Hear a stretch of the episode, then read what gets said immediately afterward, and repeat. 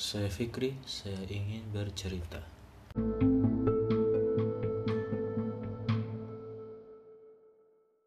Oke.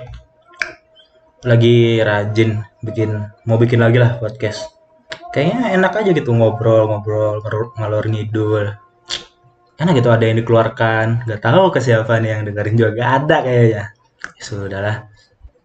Jadi jelasin dulu kenapa saya ini sering bilang aku tiba-tiba jadi saya, tiba-tiba jadi aku. Karena emang kebiasaannya kalau ngobrol ke temen pakai aku. Karena aku bukan orang Jawa. Eh bukan orang Jawa goblok. Karena bu- bukan orang Jakarta jadi gak biasa pakai gue lo. Kalau pakai gue lo tuh ya kalau ke teman-teman yang dari Jakarta atau yang keseharian mereka gue lo. Jadi begitu. Kalau pakai saya sih biasanya kalau ke orang yang lebih tua, ke atasan, pakai saya biar enak aja. Terlihat enak didengarnya kalau ke orang tua tuh pakai saya. Kalau aku tuh ya kalau pakai aku berjalan aja gitu. Kenapa jadi berjalan aja ya? Entahlah mau dong mau ngomong apa tadi udah tinggal diomongin berjalan aja gitu. Eh untuk hari ini oh iya kayaknya harus jelasin dulu. Saya ini PNS di salah satu kementerian. Dikasih tahu gak ya? Kayaknya nggak penting juga sih dikasih tahu. Jadi kementerian yang punya unit vertikal di bawahnya. Kayaknya ke kekencengan deh ya suaranya. Ntar ya, coba dites dulu. Udah pause dulu deh. Nah, oke, oke, coba lagi. Nah, ini agak mending kayaknya sih segini nih. Pas nih. Oke, jadi ini PNS dan bukan cita-cita tentunya karena jadi PNS karena berkuliah di perguruan tinggi kedinasan. Ya, mau gimana lagi gitu. Tapi kalau masalah cita-cita dari kecil itu kepengennya jadi atlet sepak bola lah. Karena emang tontonan yang wah, keren kayak ini. Tontonan yang keren atlet sepak bola kecil ya. Sampai bener nih. Dulu tuh waktu SMP apa ya? Saya tuh jago banget tendangnya. Karena emang mengidolakan David Beckham. Jadi ibaratnya saya tuh menganggap pemain yang tendangannya keren dari jarak jauh langsung gol itu gokil lah pokoknya. Jadi saya pengen pengen lah jadi atlet olahraga tapi ya apa daya tersandung restu orang tua. Gimana? Selama hidup masih dengan orang tua, tidak bisa menuntut apa pun. Ya sudahlah, apa-apa.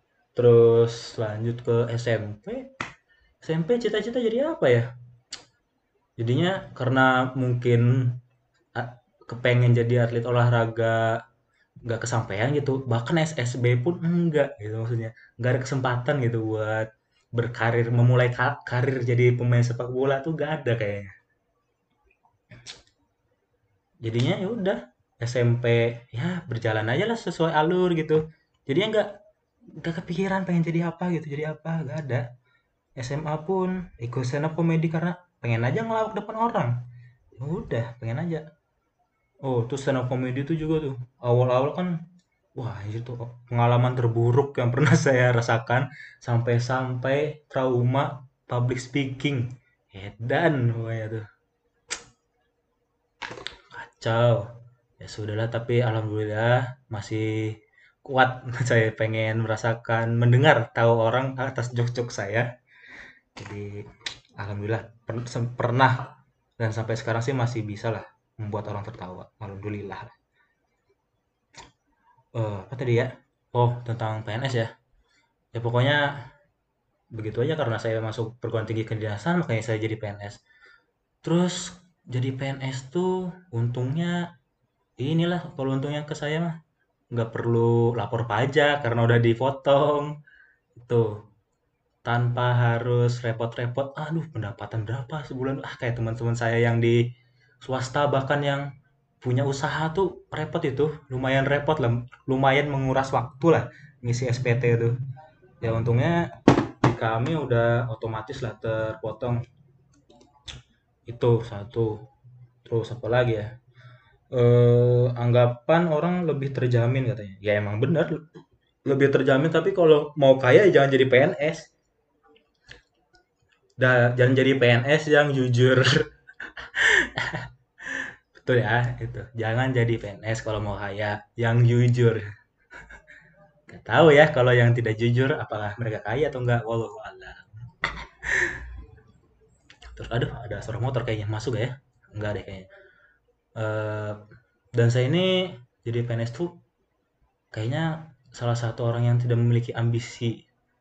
Ada kan temen-temen saya gitu orangnya wah aku harus kalau jadi PNS pengen jadi gini gini gini gini pengen jadi orang yang seperti ini ini ini ini. Ah udahlah jadi PNS saya udah syukur gitu kayak rasanya tuh. Nah, enak banget udah jadi PNS udah santai gitu. Ambisius tapi ya karena saya nggak ambisius jadi saya tuh awal-awal kerja di Mamuju tuh menganggap ya udah kerjaan mah yang penting selesai gitu. Ti- tidak merugikan orang lain gitu.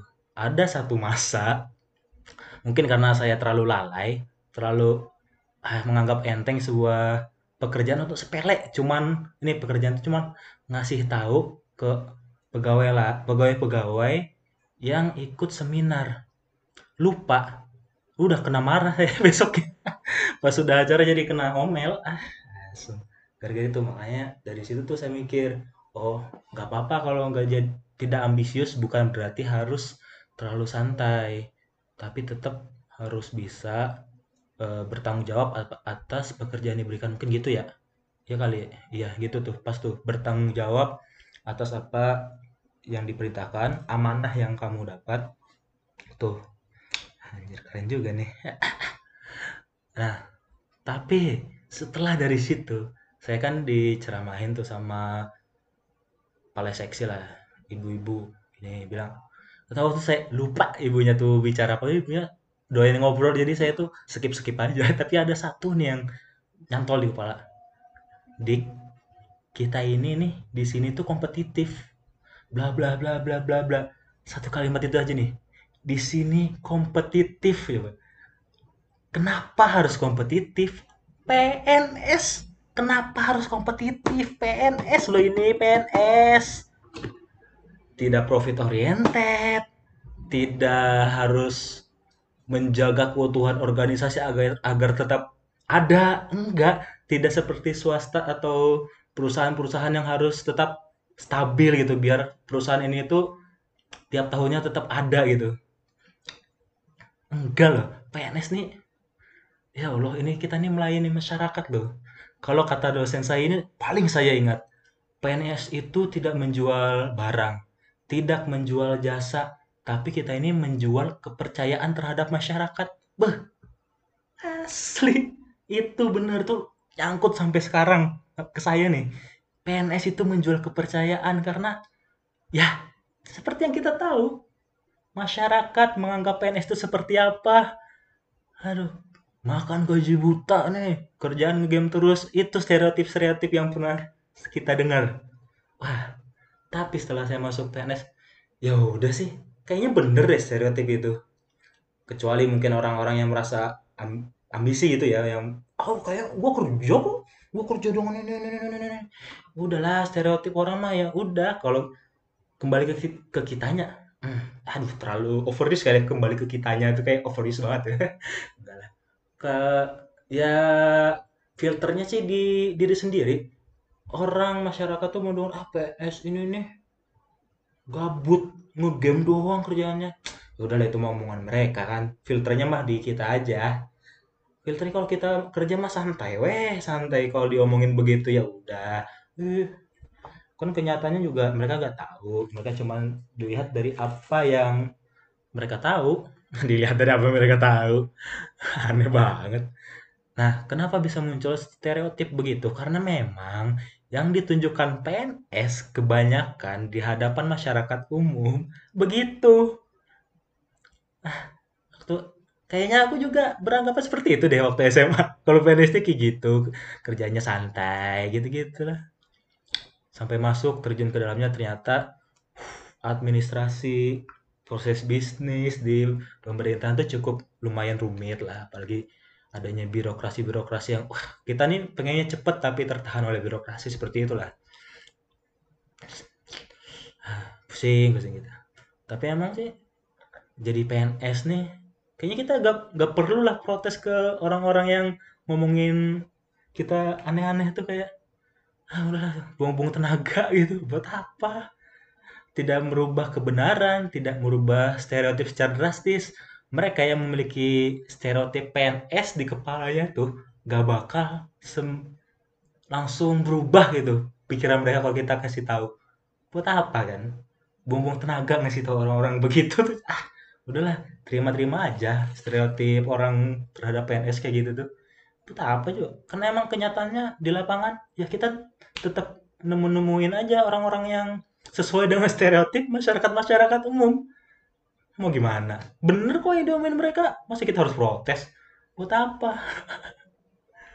Kembali yang ke ini yang kompetisi tadi. Buset kompetisi loh. Buat apa? Eh kayaknya udah diomongin ya? Lupa lupa. Jadi ya oh mikirnya nih kompetisi itu oh enggak ada yang belum ya?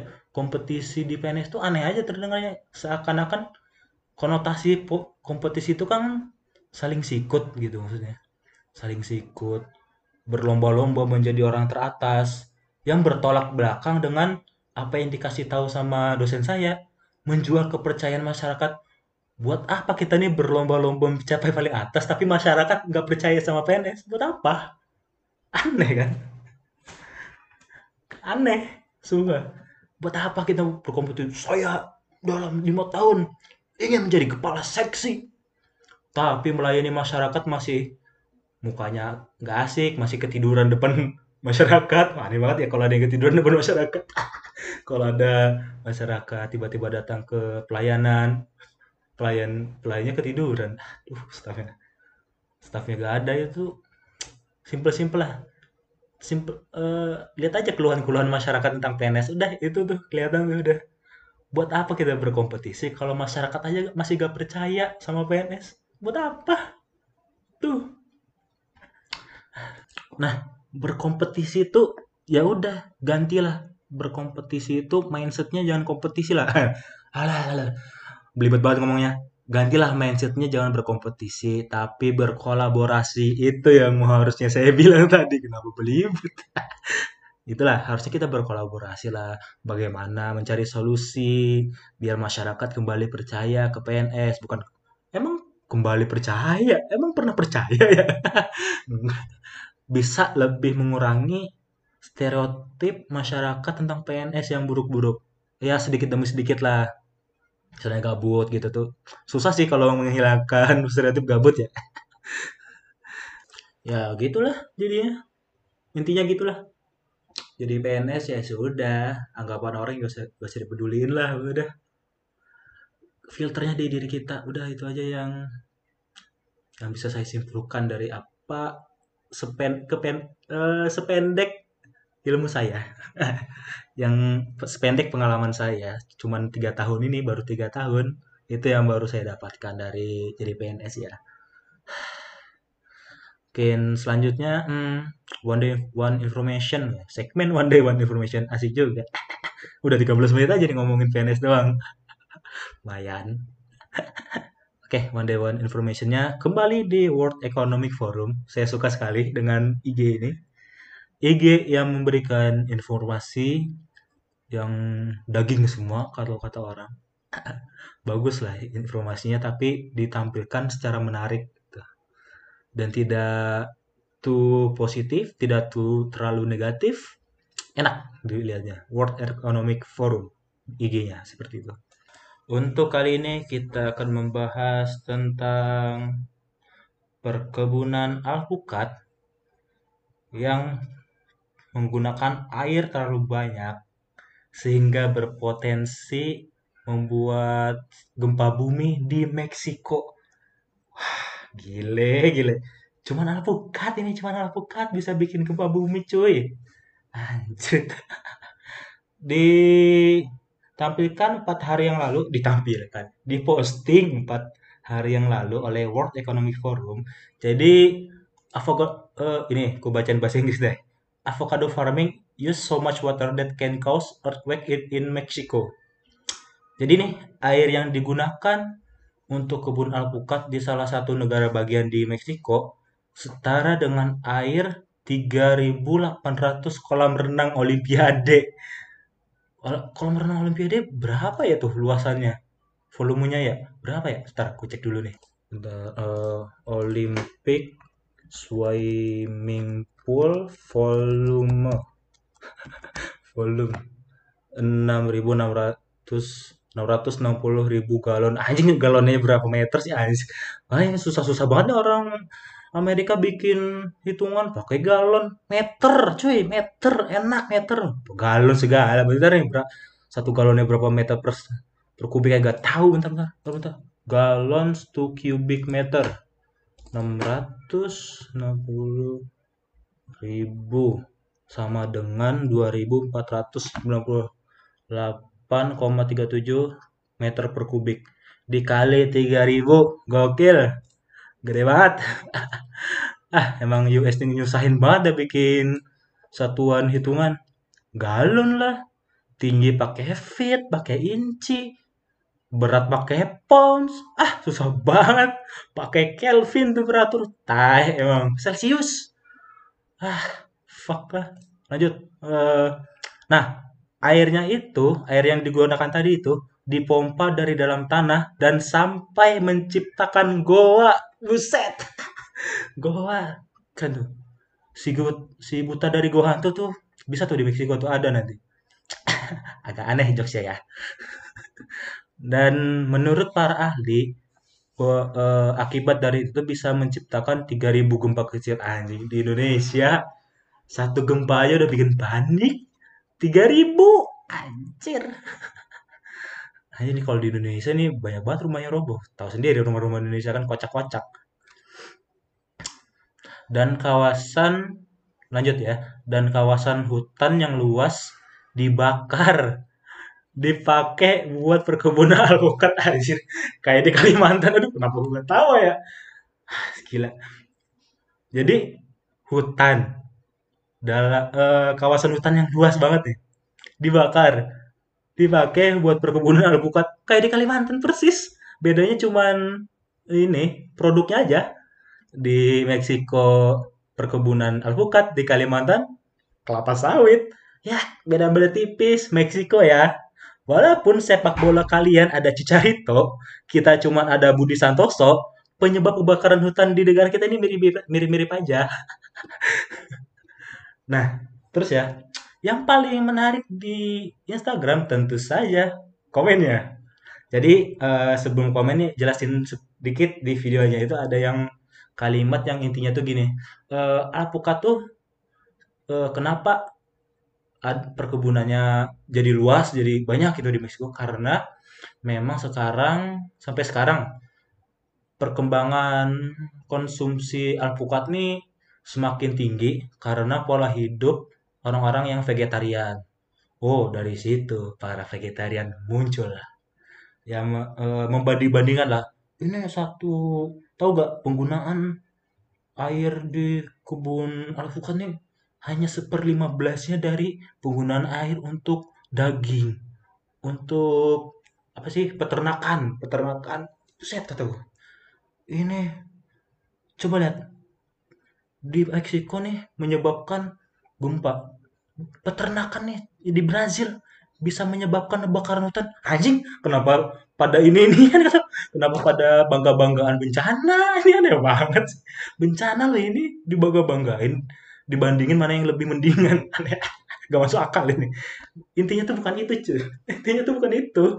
Inti dari si World Economic Forum ini intinya tuh nih kalau lu berlebihan ngasih ini tuh bakal berdampak sesuatu. Ini kan kayak gini, berlebihan dalam mengembangkan sebuah produksi. Ini jadinya bisa jadi gempa bumi. Nah, terus ada komen ter menurutku nih oke nih, aku setuju dengan komen ini dan terbaik menurutku sampai ku likes dari Bapak Oliveira Frank. Frank Oliveira, eh, bukan dulu deh, siapa dulu namanya beda. Ah, bener kan? Henrik Frank Oliveira, mungkin itu ya nama panjangnya. Jadi nama IG-nya Oliveira Frank. Ya di privat lagi anjing. Kenapa di privat sih kayak artis yang blunder aja lu brengsek. Jadi bapaknya bilang the point everyone is missing is the ah fuck the point everyone is missing in the comments is monoculture is always a bad choice in the case of Mexico provides an extra which is earthquakes. Wow. Gimana? Jadi satu kebudayaan itu tuh selalu adalah pilihan yang terburuk. Ya, itu terlalu berlebihan sih menurutku. Saat eh, mungkin gini tepatnya gimana ya? Satu kebudayaan di satu daerah yang cukup gede mungkin ya se- selalu menjadi pilihan yang kurang tepat. Mungkin tidak kurang tepat bukan buruk ya kurang tepat. Karena mungkin akan menjadi ada efek sampingnya seperti hanya di Meksiko yang memberikan lahan alpukat, lahan perkebunan alpukat secara banyak yang bisa mengakibatkan gempa bumi. Gokil, Bapak Oliveira Frank, thank you. Keren kan? Oh, FYI aja. Di negara bagian ini, nama negara bagiannya itu Michoacán. Gak tahu bacanya gimana, tapi tulisannya Michoacán. Michoacán. Itu tuh setengah dari global avocado crop anjing. Setengah dari produksi alpukat secara dunia di Michoacán ini. Buset. Mana? Sangat berlebihan bukan? Meksiko loh, Meksiko. Kita walaupun Anda memiliki Carito dan Indonesia hanya memiliki Budi Sudarsono, kita memiliki kelebihan dalam memberikan sebuah produksi. Anda kelebihan alpukat, kita kelebihan kelapa sawit. Tuker aja gimana tuker? Sebagian lahan sawit di sana, sebagian alpukat di sini gimana? Eh, tapi goblok sama aja, bakar-bakar hutan juga goblok. Gak, gak, jadi tukar, dibagi-bagi. Eh, dibagi-bagi. Meksiko tuh dekat apa? Argentina, sebagian ada Argentina gitulah. Bagi-bagilah, jangan di Meksiko doang. Begitu aja ya dari untuk hari ini. Terima kasih.